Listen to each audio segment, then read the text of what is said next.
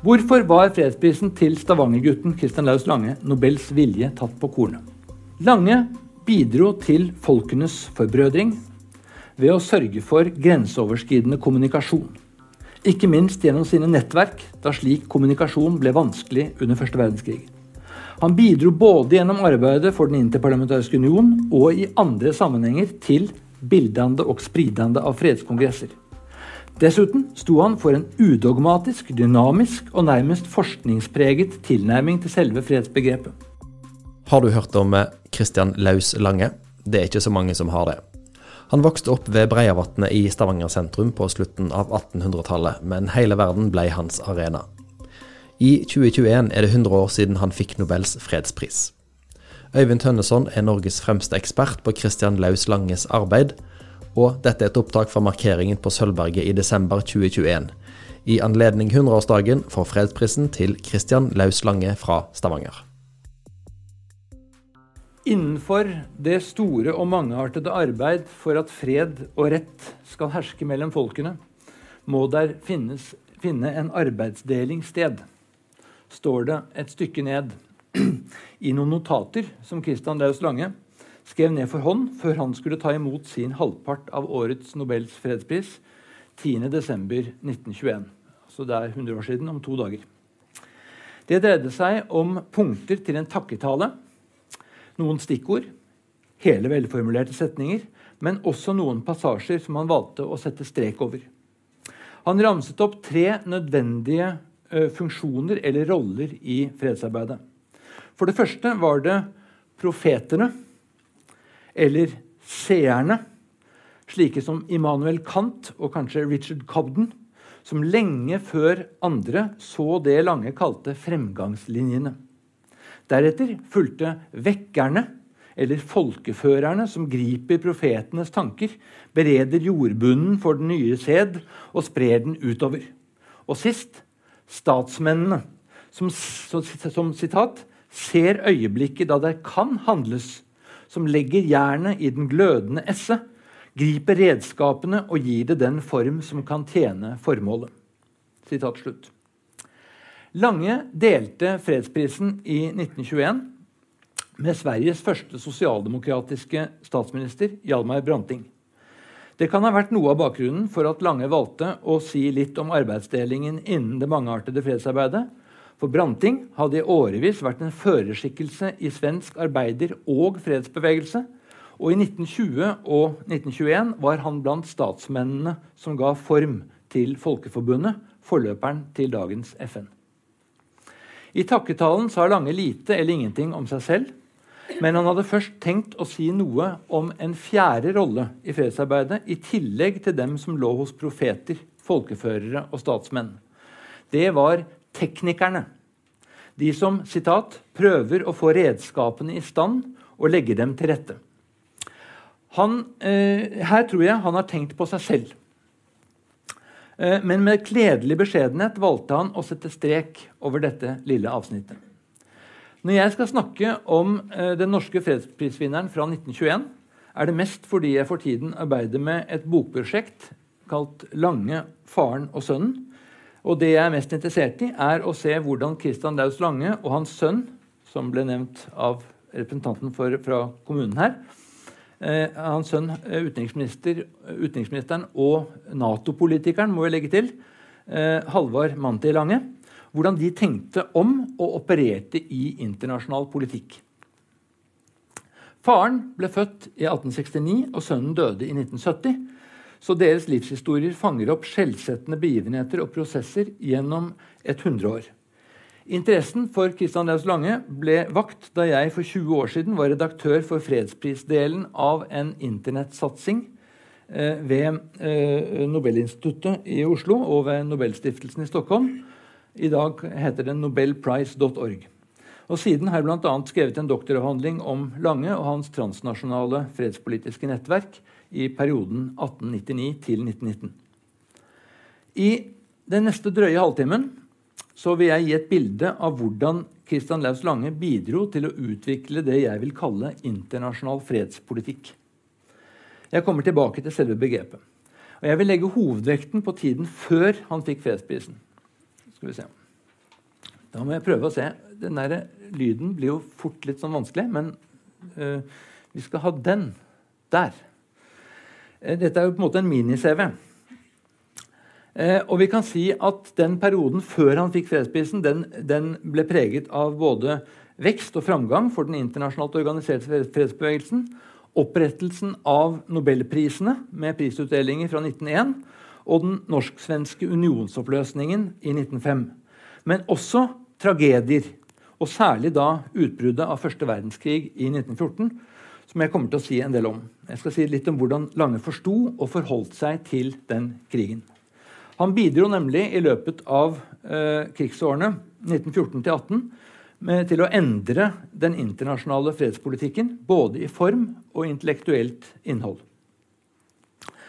Det gjenspeiler seg også i nobelforedraget han holdt 12.12.1921, som ikke er det jeg refererte til først.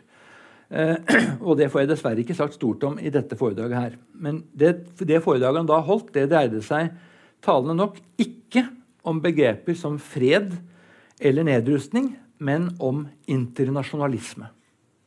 Altså på en måte ideer om hvordan samarbeid mellom stater eh, burde finne sted. Eh, hvis vi ser bare veldig raskt på denne, denne eh, mini-CV-en, så kan vi si at han ble altså født her i Stavanger i 1869. Og så har han studietid i eh, Kristiania fra 1888, eh, hvor han studerte språk og historie. Jeg kommer tilbake til det. Og så ble han altså sekretær for en konferanse i Kristiania i 1899. Og eh, så er han da, som direktøren for Nobels fredssenter i Oslo sa akkurat nå i sted, den som kanskje har sterkest eh, tilknytning til Nobels fredspris av noen av fredsprisvinnerne. Nettopp fordi han ble den første sekretæren for Stortingets nobelkomité og langt på vei var med på å etablere hele den institusjonen og måten den, eh, den drives på. Og også etablerte Nobelinstituttet i Oslo. Så var han eh, representant for Norge ved en internasjonal konferanse i 1907. Det er det vi ser bilde av her, fra en avis som kom ut under, under den konferansen. Og så ble han da generalsekretær for Den interparlamentariske union i Brussel og senere i Genéve. Derav tittelen for dette foredraget.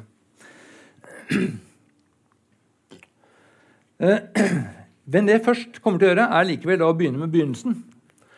Kristian Laus Langes fødsel og oppvekst her i Stavanger. Han vokste opp i det miljøet av villaboere som forfatteren Ola Boyer, som var Kristian Langes svoger, lenge etterpå kalte jernringen rundt Bredevannet. Eh, og Det skjedde da i en jubileumsbok eh, fra, for Aftenbladet i eh, 1953. Spørsmålet er da ble, Langes, eh, ble grunnlaget for Langes fredspolitiske innsats lagt der i egen familie og nabolag. Altså, vi er jo veldig vant til at Biografier sånn starter jo alltid med å forklare liksom, hvordan barndom og ungdom er. og Så har det på en måte lagt liksom, løpet, hvordan livet kommer til å utvikle seg videre med det. Mitt svar eh, på, eh, på, dette altså Her har vi familien. Her har vi statsingeniør eh, Halvard Lange. Som altså, han var jo offiser. ikke sant? Så, så, og Vi kommer litt tilbake til det. Men det er en stor familie. Så vidt jeg husker, det vet kanskje familien, familiens representanter om her nå eh, Det var vel to barn som døde, var det ikke det? Ja, ja, ja. Nei, jeg tenkte ikke på, på Christian, jeg tenker på, på av Christian Langes søsken. Nei. nei.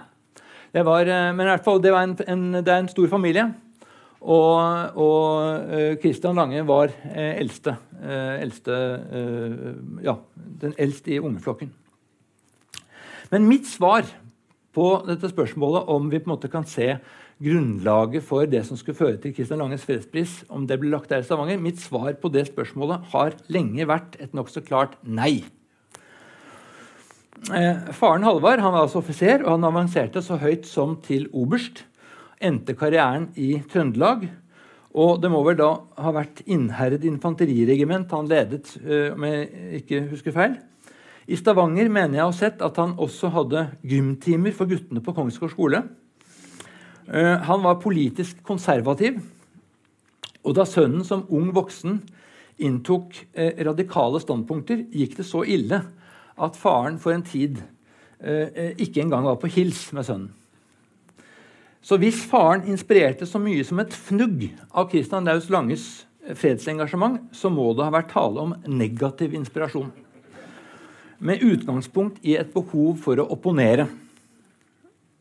Farfaren Christian Kristoff altså, Hvordan er lyden her nå? Helt opp. Fint. Farfaren Christian Kristoff Andreas Lange var presteutdannet, historiker og Norges riksarkivar fra, 1945, eh, fra 1845. Han kunne kanskje gitt sønnesønnen sin retning, men nei. Riksarkivaren gikk rett fra sin post til kirkegården flere år før sønnesønnen og navnebroren ble født. Moren, Tora Marie, kom fra Laus-slekten, og Laus-mennene inngikk på samme måten som Langemennene i den norske embetsmannseliten. Om de ikke alltid var så veldig rike på gods og gull, må de i hvert fall forventes å ha overført en hel del kulturell kapital fra generasjon til generasjon. Av Christian Laus Langes etterlatte korrespondanse og andre papirer er det tydelig at det av foreldrene særlig var til moren vår fredsprisvinner følte tilknytning. Her vil jeg skyte inn at jernringen rundt Breiavatnet neppe var så fast og enhetlig som uttrykket skulle kunne tilsi. Miljøet av borgere og embetsmenn var i endring, slik hele Stavanger, hele Norge og store deler av det øvrige Europa var i endring. Opposisjon mot og kritikk Tusen takk.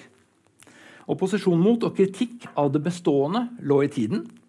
Og, dette, eh, og dette kom sterkt til uttrykk i Christian Laus Langes barne- og ungdomsår. Også fra medlemmer av farens og morens generasjon. Alexander L. Kielland, som ble nevnt, var ganske riktig en, en slektning. Han var farens tremenning. Og L-en står nettopp for Lange. Og den radikale forfatteren har etter alt å dømme både inspirert og forarget menneskene som i 1870- og 80-årene utgjorde Christian Laus Langes nærmiljø. I 1883 kom Kiellands Gift, som hentet sitt stoff fra latinskolen Kongsgård og var en skarp kritikk av skolesystemet. Da hadde den 14 år gamle Christian vært elev nettopp ved denne guttskolen i åtte år. Og Her har vi en gammel tegning av, av skolen. Etter å ha sett litt på det han senere skrev om egen skolegang, har jeg skiftet oppfatning når det gjelder dette med om hva det betydde å ha kommet fra Stavanger. Eh, jeg tror nå at det er her i Stavanger, men da først og fremst på Kongsgård skole.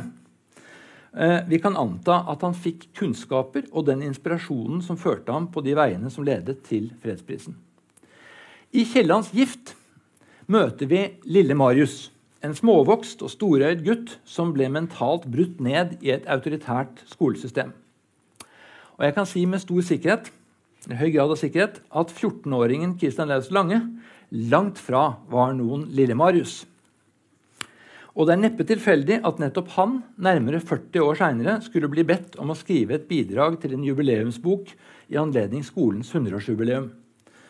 Tidligere elever, to som senere ble lektorer, en overlege, en journalist og altså Lange, leverte erindringer fra hvert sitt tiår ved skolen. De beskrev lærere, lek i skolegården og kameratskap guttene imellom, men fortalte også både om fysiske avstraffelser og om plakater som ramset opp alle typer av dårlig oppførsel som kunne lede til slike reaksjoner. Altså De som har sett på uh, Harry Potter-filmene, uh, der hvor uh, Hva heter hun for noe? hun som er utsendt fra Magidepartementet og slår opp alle mulige sånne plakater om de ting som er forbudt på skolen. Altså det, Jeg fikk sånt bilder av dette her da jeg, da jeg leste disse memoarene fra disse tidligere Kongsgård-elevene. Lange skrev som, som sagt om, om 80-årene. Nei, jeg synes dette var feil. Sitat. Rektor Steen var enten elsket og beundret eller hatet og fryktet av sine kolleger, skrev Lange. Unge lærere utgjorde den førstnevnte gruppen, mens det var de eldre som sto i motsetning til Steen, som i hvert fall av og til fungerte som deres rektor fra 1867 til 1891. Johannes Steen ble nemlig valgt til Stortinget første gang i 1859. Han ble venstremann, og gjennom det meste av 1880-tallet var han stortingspresident før han i tiåret som fulgte, ble statsminister og ledet to regjeringer. I politisk og kulturelt konservative miljøer var Steen kontroversiell. Lange hadde bare opplevd Steen på nært hold noen få ganger, men lot likevel konflikten rundt rektoren ramme inn minnene han hadde om lærere og medelever fra klasserommene og siden fra gymnassamfunnet på Kongsgård skole. Nå legger dere sikkert merke til at jeg bruker en del tid på, på eh, Stavanger og, og Kongsgård-tiden. og det er, altså, ja, det er litt av hensyn til dere. da, Så ser jeg det er jo noen bak her som, som hører til der, er det ikke det? Og, ja, nettopp. Ja. Jeg må ta det kort. Men tre av Langes erindringer fra og refleksjoner knyttet til skoleårene må nevnes. For det første så trakk han fram to favorittlærere. Den ene den sykelige lektor Martin Holfeldt, som ikke minst underviste i latin og fransk, var svært kunnskapsrik. Han døde da Lange eh, og hans klassekamerater gikk i sitt andre år på gymnaset, men var citat, 'utvilsomt den som jeg tenker tilbake på med største takknemlighet'. Når han underviste i latin, var det citat, 'ikke bare i språkets elementer, men i dets ånd' og ikke bare i språket, men i det folks liv og det samfunns funksjoner som språket var den ytre drakt for. Er det ikke vakkert? Det var dette Lange var så takknemlig for 40 år etterpå. Men med tiden som avstand forsto han også at andre hadde opplevd det helt annerledes. Sitat. Holfeldts grammatikkundervisning i gymnasiet ble formelig som en trening i språkfilosofi til skrekk, ja, til panikk for de lite bevandrede. I politikken sto Holfeldt ifølge Lange på ytterste høyre fløy. Og han la aldri skjul på sine meninger. Den andre favorittlæreren var den langt yngre Knut Malm, som underviste i engelsk og historie, og som var radikal. Han var også spontan og levende og skapte engasjement i hele klassen. Men samtidig viste han seg dessverre å eh, ikke være så veldig kunnskapsrik. Han måtte stadig vekk slå opp engelske ord og rotet med historiske årstall. Så selv om Lange selv kan ha hatt stor sans for selve poenget, så syntes han ikke at læreren forsvarte sin mangel på faktakunnskap fullgodt ved å si citat, at hjernen burde være et verksted, ikke et opplagsmagasin. Det andre poenget jeg vil trekke fram når det gjelder Kongsgård skoles betydning for Lange, knytter seg til hans generelle vurderinger av skolens pedagogikk. Han skulle selv senere bli lærer. Så når han så tilbake på 1880-årene, før Kongsgård-jubileet i 1924, så kunne han vurdere den gamle skoletypen han hadde gått i, i lys av en som var nyere og kanskje mer demokratisk. Han var kritisk til begge. Sitat. Bevisst eller ubevisst, og her er vi tilbake til noe av det som han hadde sagt til Aftenbladet. Bevisst eller ubevisst lot den gamle skoles lærere elevene mer eller mindre seile sin egen sjø. Det skrev han i tilbakeblikket. Og kommenterte at dette sitat, var slemt nok for det store gross og mange av elevene forliste på farten. Gjensitterne utgjorde en stor prosent i hver klasse. Men så kom, som med den modne mannens advarende pekefinger mot radikale pedagogiske vendinger, så tilføyde han men mon ikke metoden hadde sine fordeler fremfor den som siden hersket så lenge, og som la hovedvekten på lærerens arbeide, mens elevene gjerne ble til pølser som skulle stoppes. Vi måtte lære å klare oss selv mange ganger, og de som hadde evnen til det, sto seg nok på det. De kjempet seg imellom frem, frem til å overvinne vanskeligheter ved egen kraft, ikke å få allting inn med tåteflaske. Det siste jeg vil nevne fra Langes tid i Stavanger, er en aha-opplevelse han fikk under et møte i Kongsgård skoles gymnassamfunn. Han hadde vært med på en diskusjon om monarki eller republikk. Og I den diskusjonen inntok de fleste eh, deltakerne absolutte standpunkter som skulle gjelde citat, 'for alle folk og alle tider under ett'. Men så hadde en Gunerius Abrahamsen, som siden skulle bli redaktør i en amerikansk avis, holdt et innlegg der han innvendte at det kanskje ikke var så sikkert sitat, at én og samme statsform passet for alle folk og alle tider. Sitat slutt. Dette var en revolusjonerende betraktning for Lange, innrømmet han. Sitat, Relativitetens lov åpenbaret seg for første gang for min tanke. Sitat slutt. Kristen Laus Lange avla klassisk eksamen artium i 1887 som preseterist. Han fikk beste karakter i ni av tolv fag og nest beste karakter i de tre siste. Han forlot samme året Stavanger og flyttet aldri tilbake. Men hva bar han med seg i hjernen som både opplagsmagasin og verksted?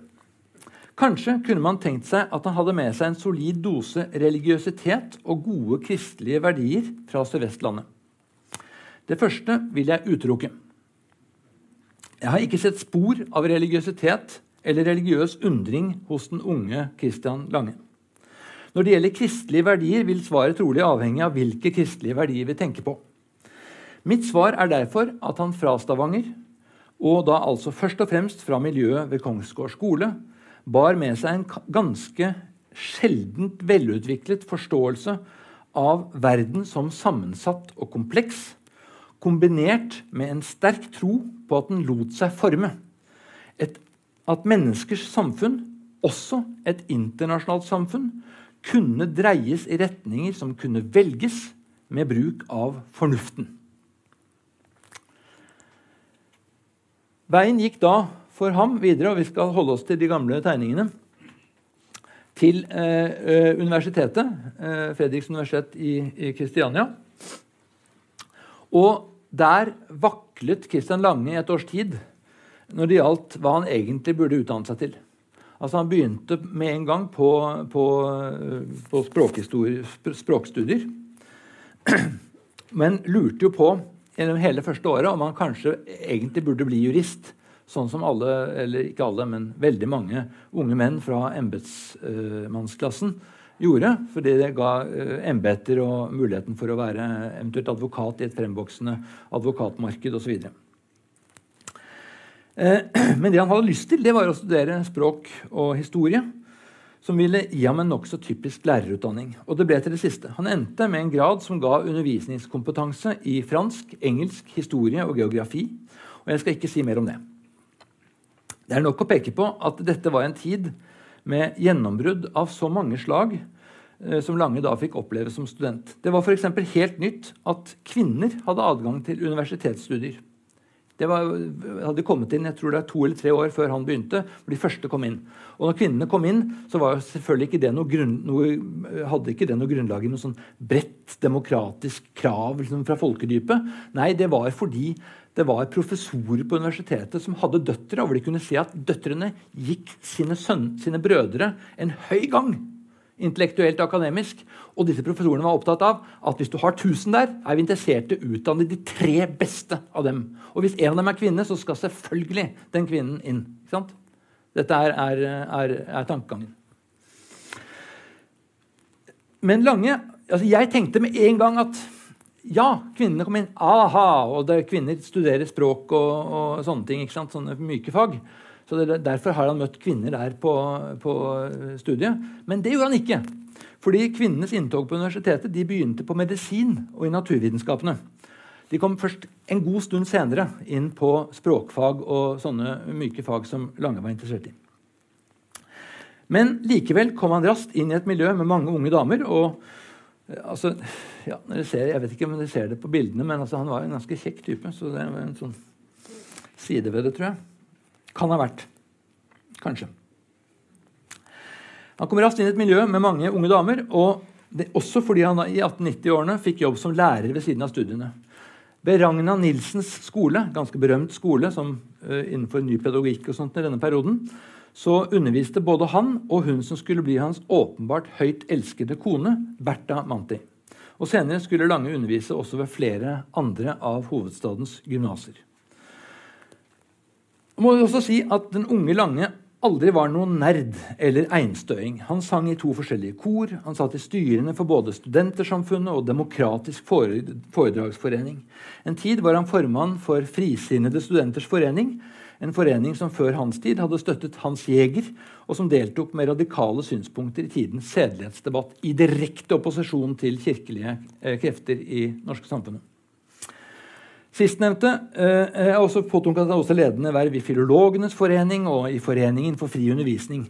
Og Sistnevnte var da en forløper for organisasjonen som lenge het Friundervisningen, og som i dag går under navnet Folkeuniversitetet. Vi kan ut fra dette si at Christian Laus Lange, før han i 1899 fylte 30, hadde vist seg som en progressiv, sekulært orientert, liberal demokrat. Her blir det fryktelig mange sånne begreper i omtaler. Poenget er at han ikke var konservativ, han var ikke, konser ikke høyreorientert, han var ikke kristelig, men heller ikke knyttet til tidens fremvoksende sosialistiske bevegelse. Men dette var han langt fra alene om, og det kunne selvfølgelig ikke i seg selv føre til noen fredspris 21 år inn i det neste århundre heller.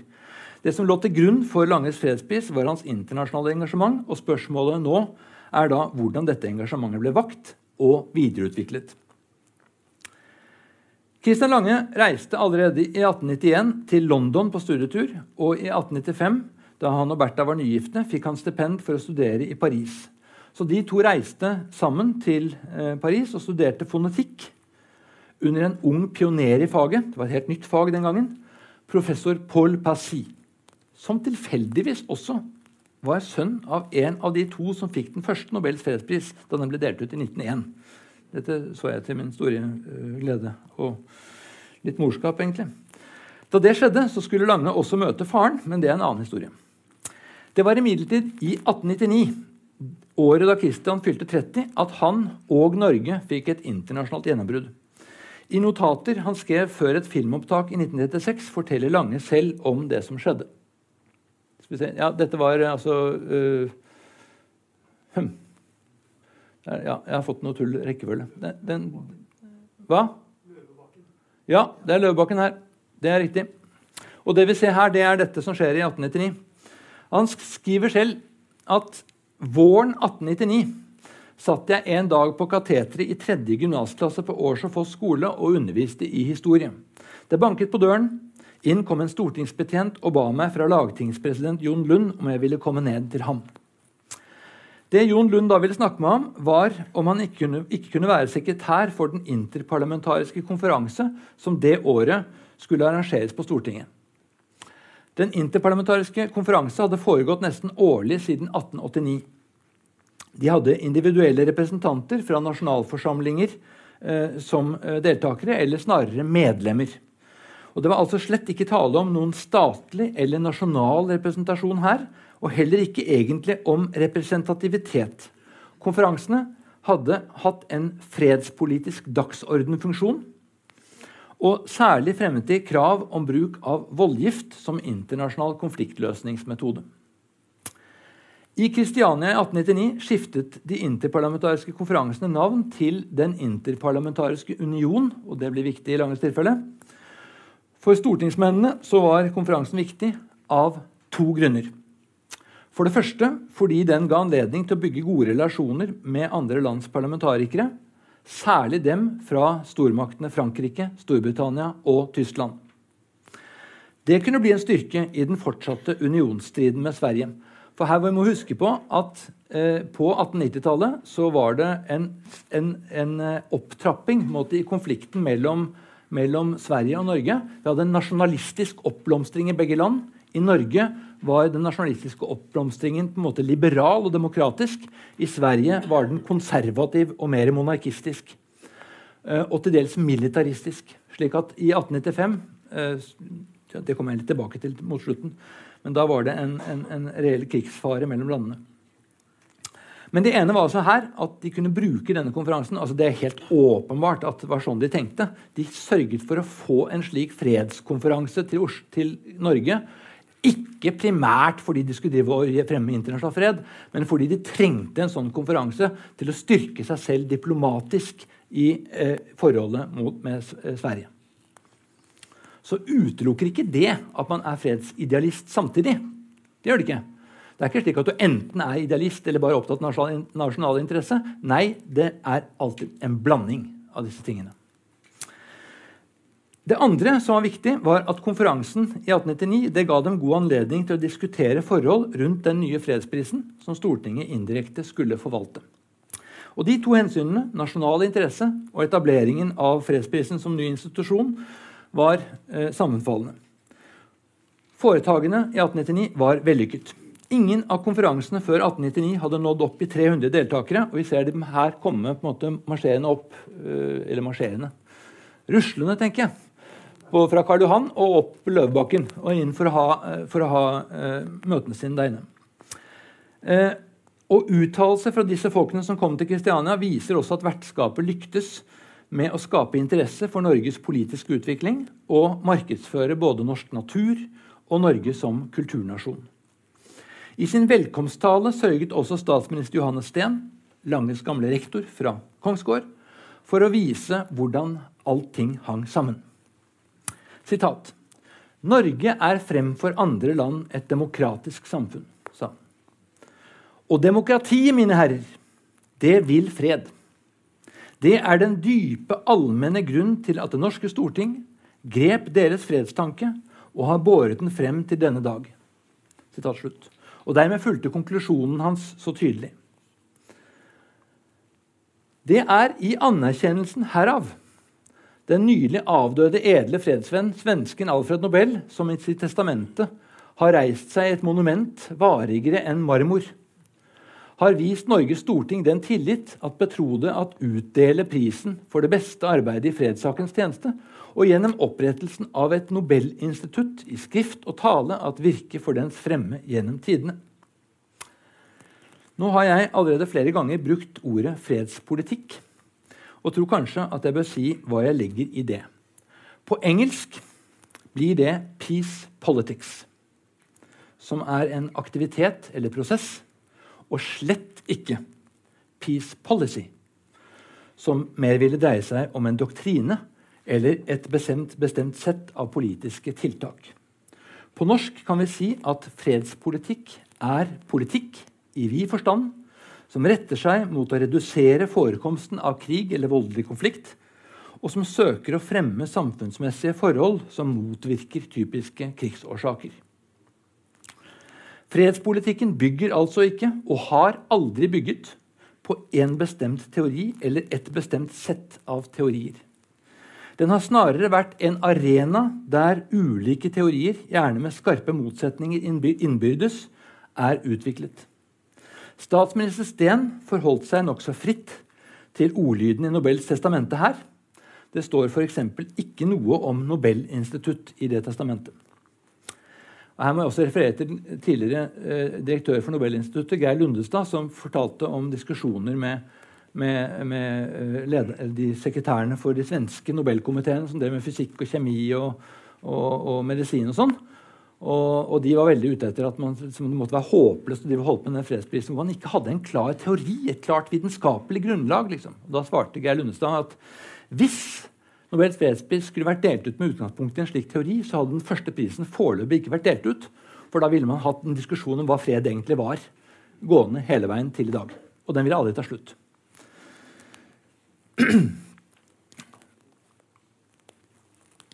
Den interparlamentariske konferansen var nettopp en arena for fredspolitikk, og for Lange ble eh, konferansesekretærjobben i 1899 veldig viktig. Han ble kjent med debatten om internasjonal voldgift, men også med flere andre saker. Ikke minst en sak som dreide seg om rettigheter til nasjonale grupper under fremmed styre. Den var reist av en polsk politiker fra det multinasjonale Østerrike-Ungarn og inneholdt faktisk en kime til debatt om menneskerettigheter. Det er, fred, det er, et fredspolitisk tema som var og forblir fylt av store dilemmaer, både rettslig og politisk.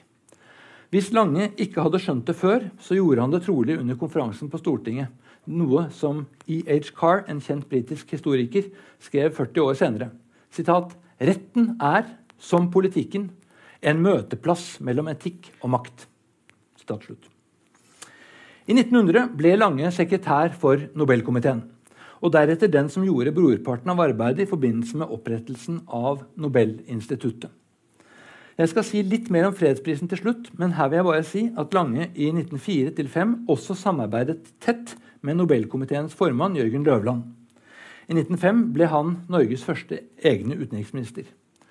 Lønnet med nobelpenger, utbetalt fra Stockholm, bidro Lange da til arbeidet for internasjonalt å fremme Norges sak i striden for å koble seg fra Stockholm.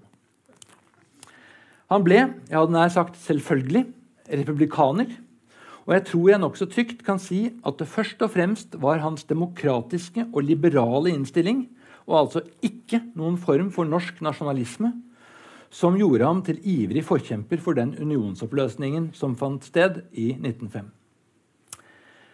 I 1909 gikk hele Lange-familiens vei til Brussel, der Christian Daus Lange ble headhuntet til generalsekretær for Den interparlamentariske union, i utgangspunktet med livstidsansettelse. I den funksjonen bidro han til å sette en transnasjonal fredspolitisk agenda.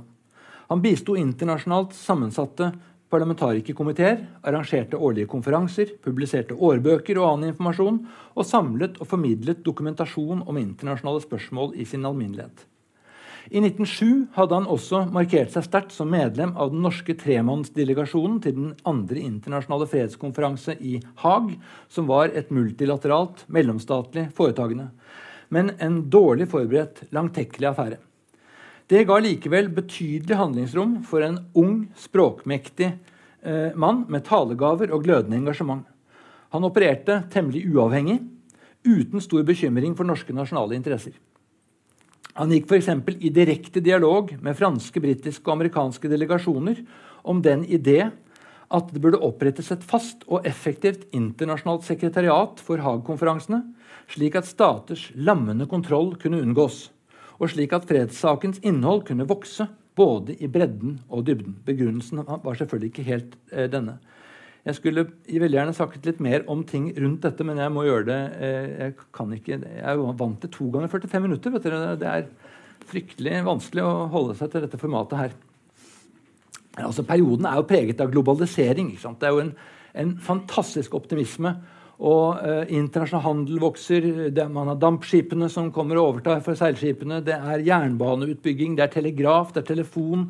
Det er framveksten av storkonserner. Altså, jeg elsker å snakke med studenter om hvordan, hvordan eh, stålproduksjonen for tar fart i USA. Du kan se liksom at, at, jo, vi bygger en liten by. Vi bygger Drammen. Den tar vi i eh, april. Vi bygger eh, Ålesund i eh, første halvdelen av mai. Vi bygger eh, Oslo i løpet av sommermånedene. Altså, det er en sånn ekstrem fart. Og det, bygger, det er altså folk som produserer eh, alt mulig, enten det er stål eller det er kjemisk, altså fargestoffer eller det er bøker. Forlag. De lager, skal lage, de vet at det kan ikke selges mer enn 100 000 bøker. Etter to år så selges det litt mer, ikke mye. Halvannen million bøker. Etter en stund til så vet de at absolutt maks er 5 millioner. Da selges det 20 millioner bøker. Altså Det er en sånn eksponentiell vekst i markedene. Og de folkene som går inn og investerer i utgangspunktet, de kan tjene litt. ja, De tjener 100 000 første året, de tjener halvannen million andre året, de tjener 15 millioner tredje året. De tjener en milliard, kanskje. Ja, det var å overdrive. Men, men sånn er det. Jeg tar av noen ganger. Samtidig med hele denne globaliseringen og veksten og alt sånt, så har vi en framvekst av kraftig nasjonalisme. Den er parallell. I 1912 ble Lange engasjert av samarbeidspartner i den to år gamle Carnegie-stiftelsen for internasjonal fred i USA for å holde noen ulike foredrag ved en lang rekke amerikanske universiteter. I det ene åpnet han med spørsmålet 'Hva er det internasjonale problem?' Og han svarte umiddelbart. Det er en internasjonal organisering som kan erstatte den rådende tilstand av anarki, som har stadig opprustning som sitt logiske resultat. Det skulle bli mer og mer klart for ham senere, men han visste allerede på dette tidspunktet at svaret på det internasjonale problem var fullt av nye problemstillinger. F.eks. var det vanskelig for amerikanere og europeere å samles om en bestemt form for internasjonal organisering. De fleste amerikanere vil foreslå en løsning etter et mønster som USA selv har fulgt, sa Lange. Dette forslaget møter umiddelbart iherdig motstand fra den gjennomsnittlige europeer. Og dere, amerikanerne, ser da overrasket på ham, altså europeeren. Hvorfor i all verden er han ikke enig? USA, USE, USW. Det virker da ganske enkelt. Altså USA, United States of America, United States of Europe, United States of the World. Lange så altså at fredspolitikken og det han kalte det internasjonale problem, ikke var noen enkel utfordring. Fred kunne ikke sikres gjennom opprustning, men heller ikke gjennom arbeid for nedrustning alene. Den kunne ikke sikres av diplomatisk vei alene, og den kunne heller ikke sikres gjennom noen universell oppskrift på internasjonal organisering alene. Um, Dette ble enda tydeligere da han ble stilt overfor situasjonen etter august 1914. Og Svært mye kan sies om det, men jeg skal konsentrere meg om tre ting. Den første handler om hvordan han forholdt seg til selve krigen som brøt ut, altså første verdenskrig. Den andre dreier seg om hans oppfatning om krigens årsaker. Og det tredje dreier seg om arbeidet for å utvikle redskapene for å utmeisle en fredsorden da krigen tok slutt. Lange bidro i høy grad til å holde liv i nettverk i og rundt Den interparlamentariske union gjennom krigsårene. Når han i 1921 kort beskrev rollen til teknikerne i fredsarbeidet, var det nok ikke minst virksomheten i krigsårene han hadde i tankene. Da var det ikke stort rom for profeter. Statsmenn hadde av annet å ta seg til, og vekkerne, eller folkeførerne som han kalte dem, hadde svært begrenset handlingsrom. Altså Hans fleste samarbeidspartnere fra Tyskland for eksempel, havnet i fengsel, og i Frankrike måtte de holde kjeft. Han eh, skrev faktisk i en rapport i 1915 at han hadde inntrykk av at man i Frankrike simpelthen hadde nedlagt forbud mot bruken av ordet P, altså fred, eh, eh, for den tiden krigen varte. Lange sørget imidlertid selv for å stagge dem i de nøytrale landene Norge, Sverige, Danmark, Nederland og Sveits som ville vekke eller føre folk på fredens vei. Det var nemlig mange som ville organisere motstand mot selve krigen. Til dette hadde Lange det å si at når du ser at et steinras blir utløst høyt oppe i en fjellside, da nytter det ikke å rope 'fy' og be steinene om å legge seg til ro. Raset må gå hele veien ned til dalbunnen. Og når det har lagt seg til ro der nede, kan, kan og må man diskutere hva som kan gjøres for å hindre nye ras. Krigen var en realitet. Sånn var det. Og ut fra foredrag han holdt, og enorme mengder brev han skrev, er det få spor av sentimentalitet i hans reaksjoner. Det er lite håp, kunne han skrive, for rett etterpå å skrive det er likevel litt håp. Langes oppfatning av krigens årsaker var sammensatt. Ukontrollert opprustning, hemmelig diplomati, nasjonalistisk oppblomstring som delvis var forårsaket av undertrykkelse av minoriteter og generell mistillit mellom stater. Alt dette inngikk som forklaringer og han unnlot å fordele skyld. I det hele tatt oppfattet han krangel om skyld som det som garantert ville lede inn i en ond sirkel. En ny orden måtte gjøre noe med krigsårsakene, mente han, men fra første stund forsto han at staters interesser, folkelige krav i ulike områder og ideer om internasjonal organisering og rett kunne bli svært vanskelig å forene. Jeg, ikke, jeg må hoppe litt her. Se.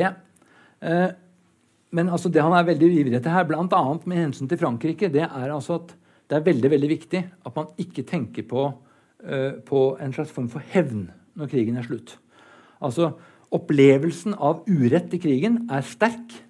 Og det gjelder da å være, å være kald, uh, nøktern, uh, når krigen er slutt. Med altså, kald hjerne, varmt hjerte. ikke sant? og ikke omvendt. Ja, noe sånt. Den var ikke god.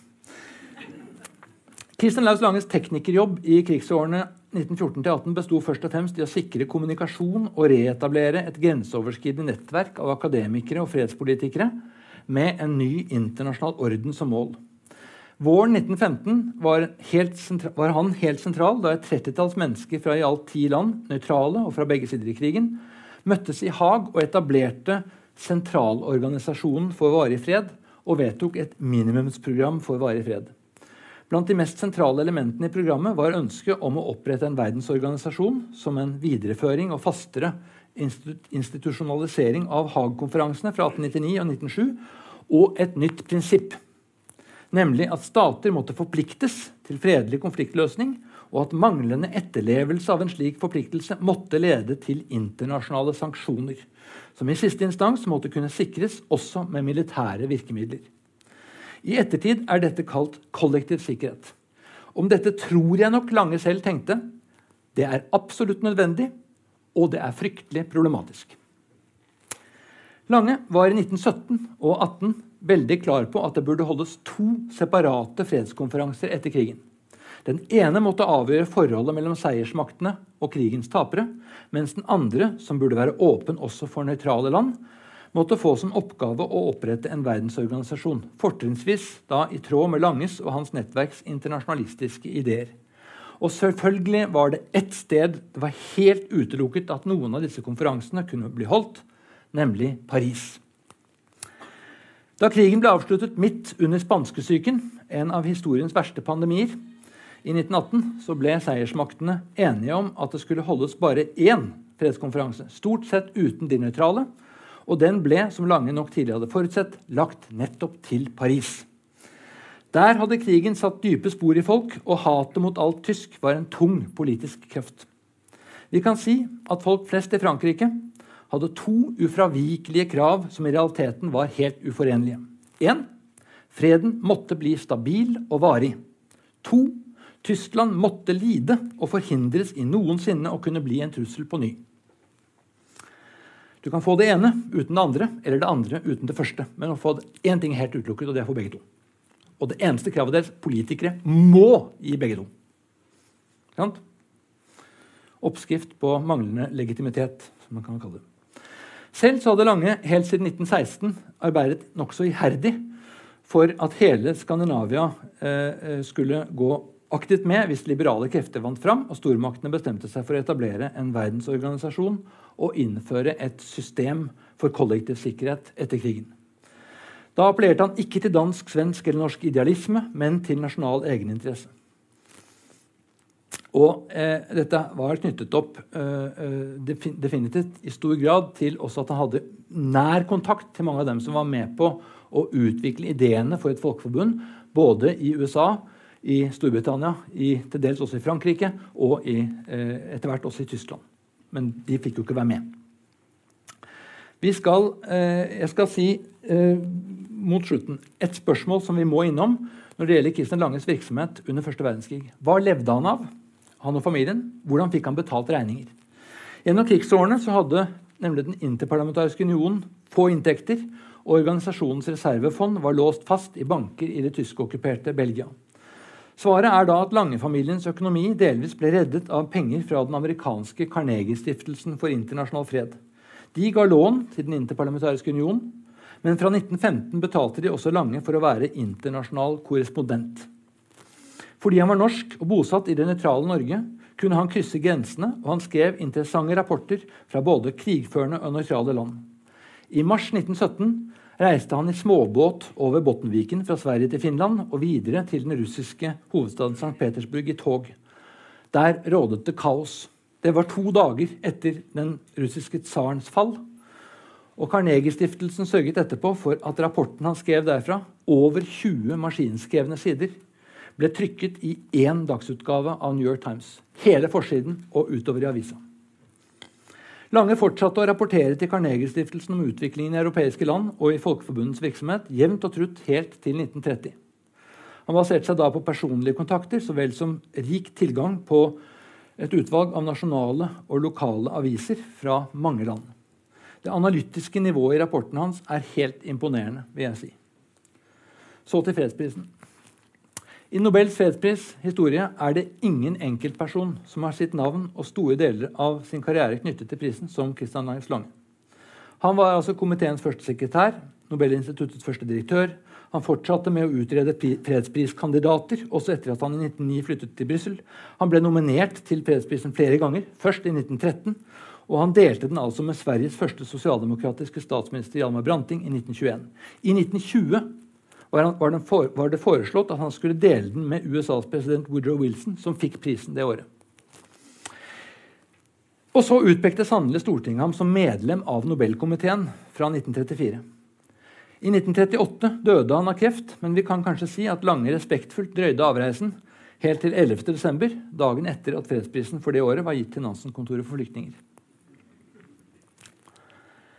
Jeg har i en annen sammenheng hevdet at fredsprisen til Christian Leos Lange i 1921 var citat, 'Nobels vilje tatt på kornet'. Hva som egentlig var Nobels hensikt da han la inn formuleringene eh, om fredsprisen i det testamentet han undertegnet i 1895, har vært diskutert helt siden han døde i slutten av 1896.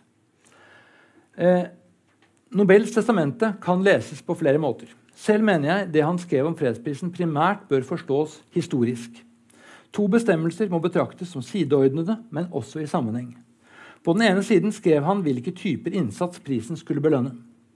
Den skulle gå til citat, 'den som har verkat mest eller best for folkens forbrødrande og avskaffande eller minskning av stående armeer samt bildende og spridende av fredskongresser'.